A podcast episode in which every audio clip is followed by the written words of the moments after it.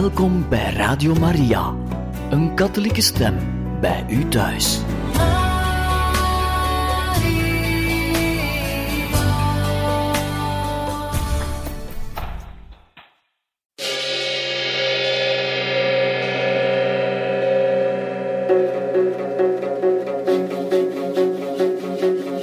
Radio Maria gaat op reis.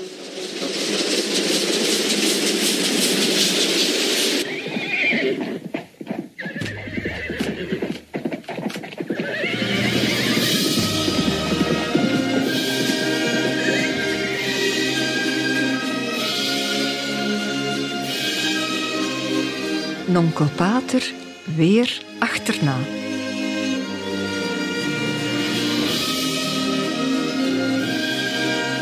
U vertelt door Jos de Kok.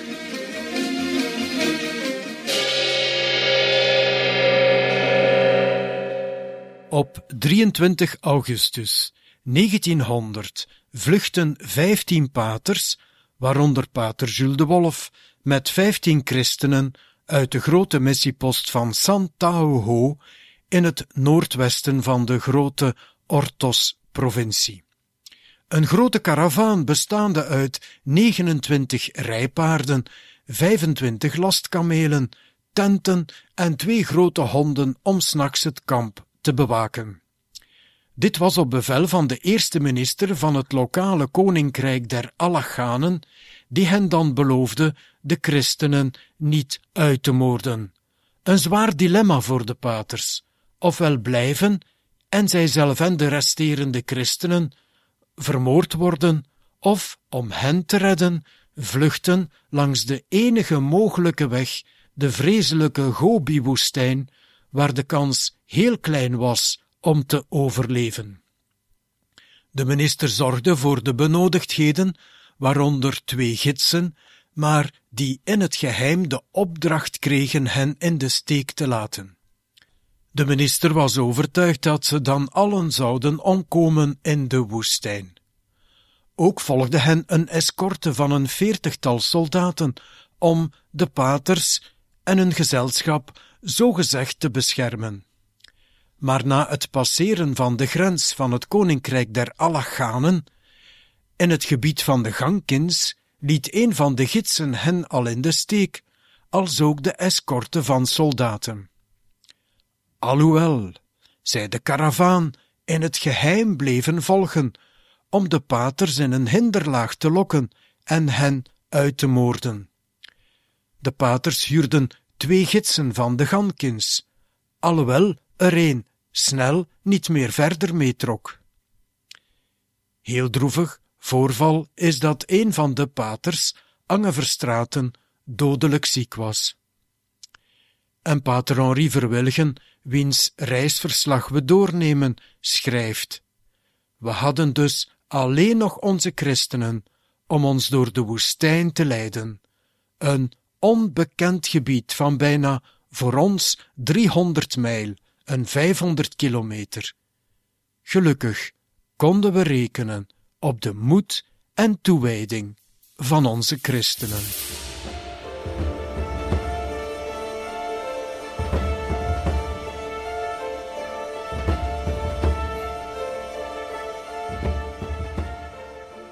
De volgende dag op 29 augustus, de zesde dag van onze vlucht, kwamen we erachter dat we alleen Chabolet, de gids aangesteld door de minister, nog als gids over hadden. De andere twee, de twee gangkins, die we hadden ingehuurd, waren ook weggeglipt. Maar hoe meer mannen ons in de steek lieten, des te meer zorgde de goddelijke voorzienigheid voor onze veiligheid. En inderdaad, niet ver van de plaats waar we ons volgend kamp hadden opgeslagen, stond een armzalige hut van een Mongoolse familie. En uit deze woning zond de voorzienigheid ons een goede ziel die ons leven zou redden.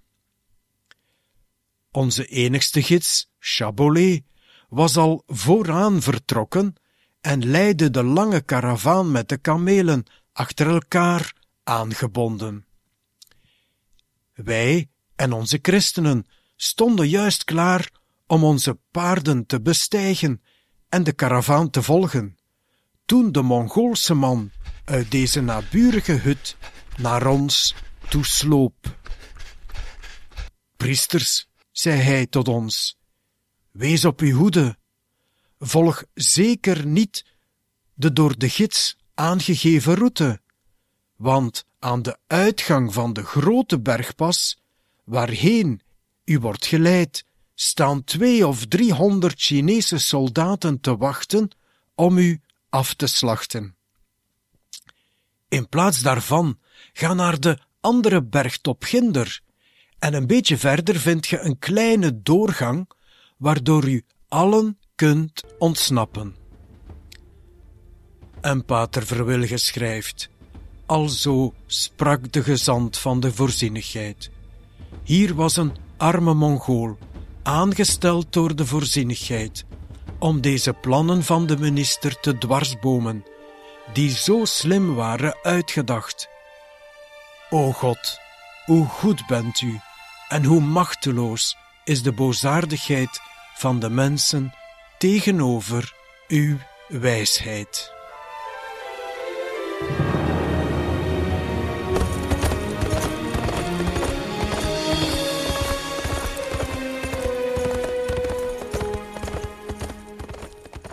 En de paters reden onmiddellijk naar de gids, die dus reeds voorop vertrokken was om te melden dat ze weigerden hem te volgen. En ik lees verder. Uiteraard dat onze gids Chabolet hevig protesteerde toen wij de andere bergtop aanwezen waar we doorheen wilden. Als ik hem zo hoorde, was het alsof hij zich aan ons tot de dood toe was toegewijd. Hij verzekerde ons dat wij enorme omwegen zouden maken en dat het ons nooit zou lukken deze bergen over te steken. Wel enkel langs de route van de grote pas die hij met de minister had uitgekozen. De boef zou zich bijna op zijn knieën hebben laten vallen om ons toch maar te kunnen overtuigen. En zo draafden wij verder tot de avond in de stromende regen, maar langs een veilige route.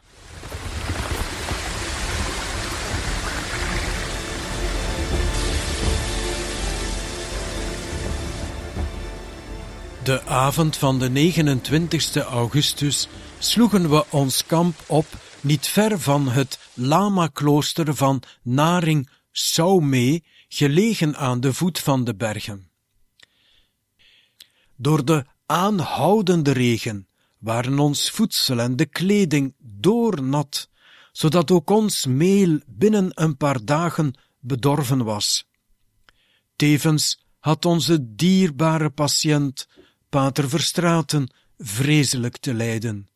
Zijn leven leek elk moment te kunnen eindigen. De volgende dag, 30 augustus, zagen we tot onze grote vreugde de zon helder opkomen aan een wolkeloze hemel. We maakten er onmiddellijk gebruik van om al onze natte kleren op de grond uit te spreiden.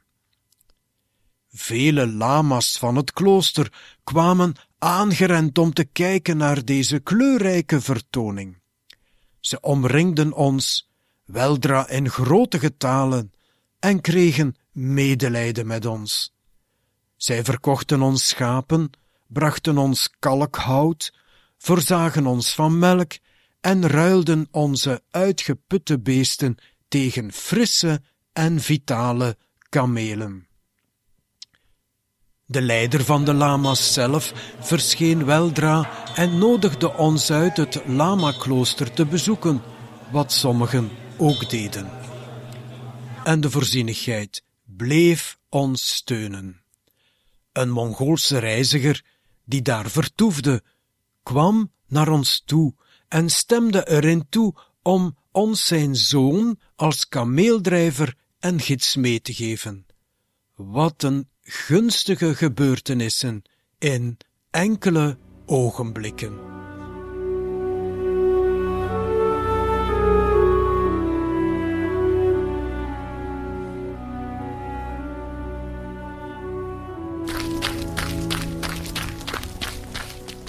Tegen de middag van dezelfde dag kwamen plots twee Chinezen recht op onze tent toegelopen. Ze waren uitgeput van vermoeidheid en gekleed als de armste bedelaars. Maar toen wij ze herkenden, ontsnapte ons een kreet. Het waren twee christenen, twee jongens uit de wijk van 24 Ti, die wij op bevel van bisschop Hamer hadden moeten verlaten om ons in Santa Ho te verschansen. Als door een wonder waren de jongens levend uit de moordpartij van 20 juli kunnen ontsnappen en waren ze eerst naar midden-Mongolië gevlucht. Maar onderweg hadden ze gehoord over een troep soldaten die op weg was naar de missiepost van Santa Ho om alle christelijke gemeenschappen in dat district te verwoesten. Deze informatie kregen de twee christenen rechtstreeks uit de mond van soldaten, in wier gezelschap zij twee dagen hadden gereisd. Daarom hadden de dappere jongens de benen genomen in de richting van Santa Ho. Daar vernamen ze dan dat de paters, dus wij, uit 24 King T en deze van Santa Ho, gevlucht waren richting Gobi-woestijn. En zo waren ze ons op zoek gegaan. En dankzij onze gedwongen stops konden zij ons inhalen en konden zij zich bij ons voegen. De twee jongens vertelden ons het zeer droevige nieuws van wat gebeurde in 24 King T. Het was de vierde maal dat wij deze vrede verhalen hoorden van ooggetuigen, en het was voor ons een bevestiging, zodat ik ze nu met volle vertrouwen kan mededelen.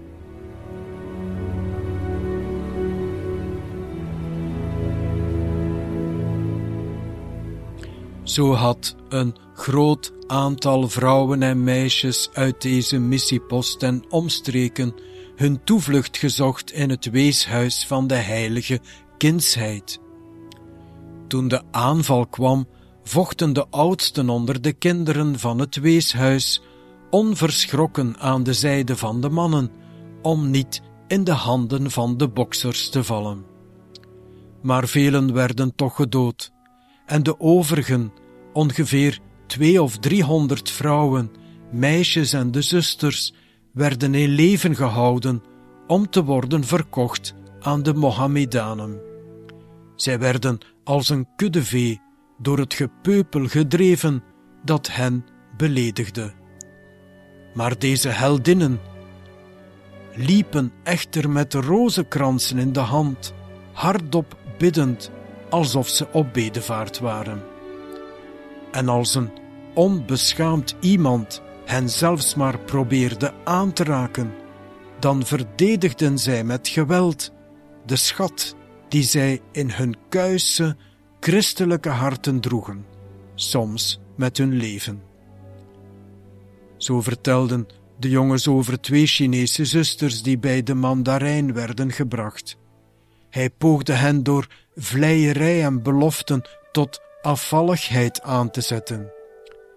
Daarna bood hij de zusters wat te eten. Maar vooraleer zij het eten aanraakten, begonnen zij met luide stem met het gebed voor het eten. De mandarijn was woedend en schreeuwde dat ze moesten stoppen. Het antwoord van de zusters was: We zullen blijven bidden, we zullen blijven bidden. En de mandarijn in zijn woede schreeuwde: Sla toe. En de zusters, mompelend een laatste aanroeping, werden op hetzelfde moment afgeslacht. En Pater Verwilgen schrijft: Ik zou honderd soortgelijke verhalen kunnen citeren.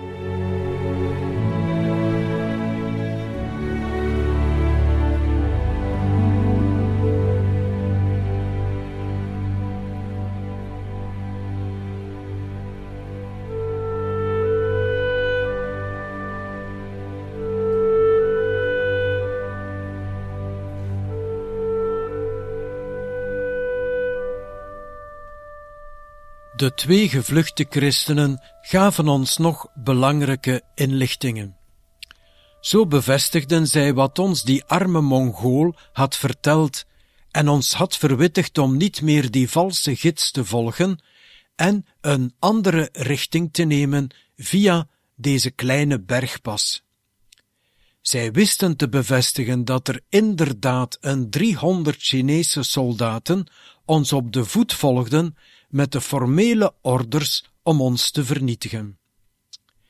In deze omstandigheden was een snel vertrek zeer noodzakelijk, hoewel onze kleren nog lang niet droog waren. Wij moesten zo snel mogelijk de berg bereiken via de kleine bergpas, waarvan we niet zo ver nog verwijderd waren. We mochten de moordenaars niet de tijd geven ons in de vlakte aan te vallen. In de bergen zou het bovendien gemakkelijker zijn ons te verbergen, of zelfs, als nodig, ons te verdedigen.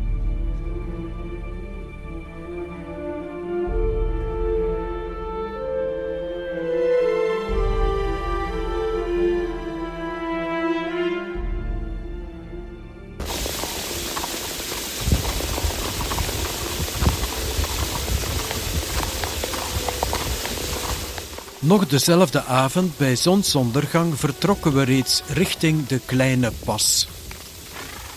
Met moeite bewogen we ons door de vele stenen die op onze weg lagen. Aangekomen bij de aangewezen pas in de vallei van Garganak stonden wel vijf Mongoolse soldaten. Maar toch gaven zij ons doorgang, zonder iets tegen ons te ondernemen. Deze ontmoeting zette ons ertoe aan onze mars nog meer te versnellen. En in de diepe duisternis rukten wij strompelend naar boven, honderdmaal een beek doorwadend, waarin het water zich klaterend tussen de stenen naar beneden stortte.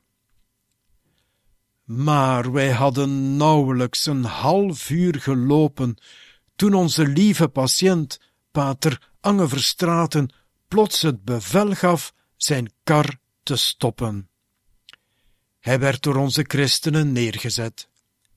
Hij stapte moeizaam uit de kar en ging toen op een grote steen zitten en zei tegen ons, mensen, dat we verder moesten gaan en dat hij daar rustig wilde sterven in plaats van nog langer in zijn kar gemarteld te worden.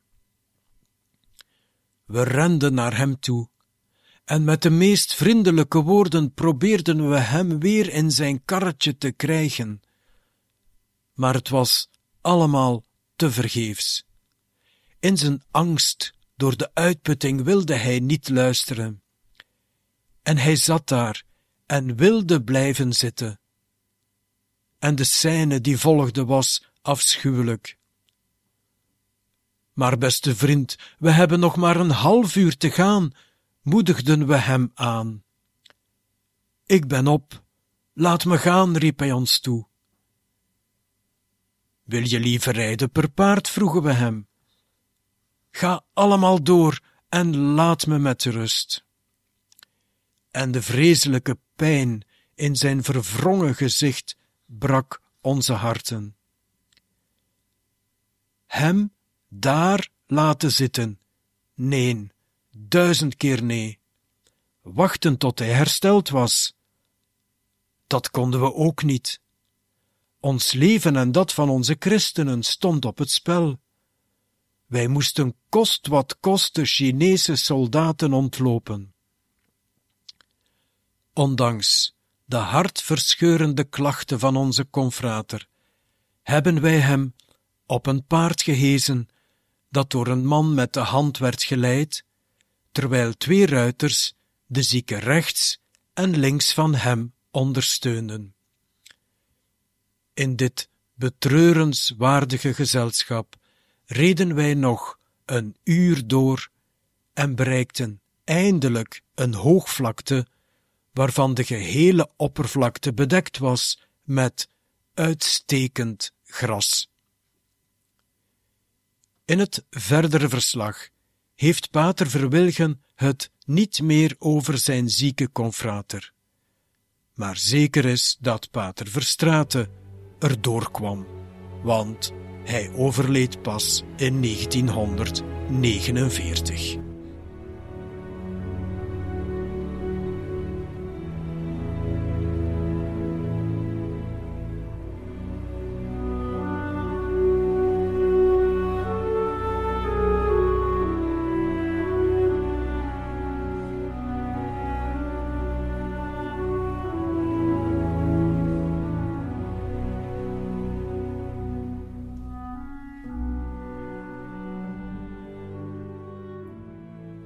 De volgende dag, 31 augustus, waren wij reeds voor het aanbreken van de dag bezig onze karige maaltijd te nuttigen. En plots kwam een christen aangereden en voegde zich bij ons. Hij kwam uit Santaho. Hij had een brief mee waarin onze catechist Song ons de voornaamste gebeurtenissen beschreef die na de 23 augustus, dit wil zeggen na de dag van onze uitwijzing, in Santa Ho hadden plaatsgevonden. En in de brief stond dat zodra wij weg waren, de eerste minister, Gian Kiao, met zijn soldaten onze residentie waren binnengevallen en alles in beslag hadden genomen. Zoals ook al onze landerijen, om alles van hand tot hand te verkopen voor eigen rekening. Aan de lama's, evenals aan de soldaten, had hij de weeshuizen van de heilige kindsheid Jezus en het seminarie geschonken. De kerken zouden pagodes worden. De kapel van Sint-Jozef en de toren van de grote kerk waren afgebroken. Alle gevonden priesterlijke ornamenten en heilige voorwerpen werden opgestapeld en verbrand. De kruisbeelden, die in stukken waren, werden vertrappeld. En op hetzelfde moment werden twee kanonschoten afgevuurd, wat de ultieme vloek is onder de Chinezen. De christenen zelf werden toch geen kwaad aangedaan. Integendeel, de minister had wel zijn beloften herhaald en verklaarde dat ons volk niets te vrezen had nu de priesters vertrokken waren. Hij spoorde hen zelfs aan om hun oogstwerk in vrede voor te zetten. Dus waren de paters dan toch niet voor niets vertrokken. Eén ding deed ons hart echter bloeden schrijft de pater, en bezorgde ons de meest vrede angsten. Voor ons vertrek hadden wij de Chinese zusters van het weeshuis, de heilige kindsheid, toevertrouwd aan onze meest voorbeeldige gezinnen, met de opdracht de zusters zoveel mogelijk te verbergen. Maar, om hen te lokken, had de minister deze helse val bedacht. Nadat hij een naaimachine had ontdekt in het weeshuis, nodigde hij heel hartelijk de zusters uit om aan de lama's te leren hoe men daarmee kan werken. Maar de brief van de catechist eindigde hier, zonder verder nieuws. En Pater Verwilge schrijft: Laten we hopen dat de goede zusters zich hier niet door beet nemen. Nadat wij deze droevige tijding hadden vernomen, vervolgden wij onze reis door de vallei van Garganak.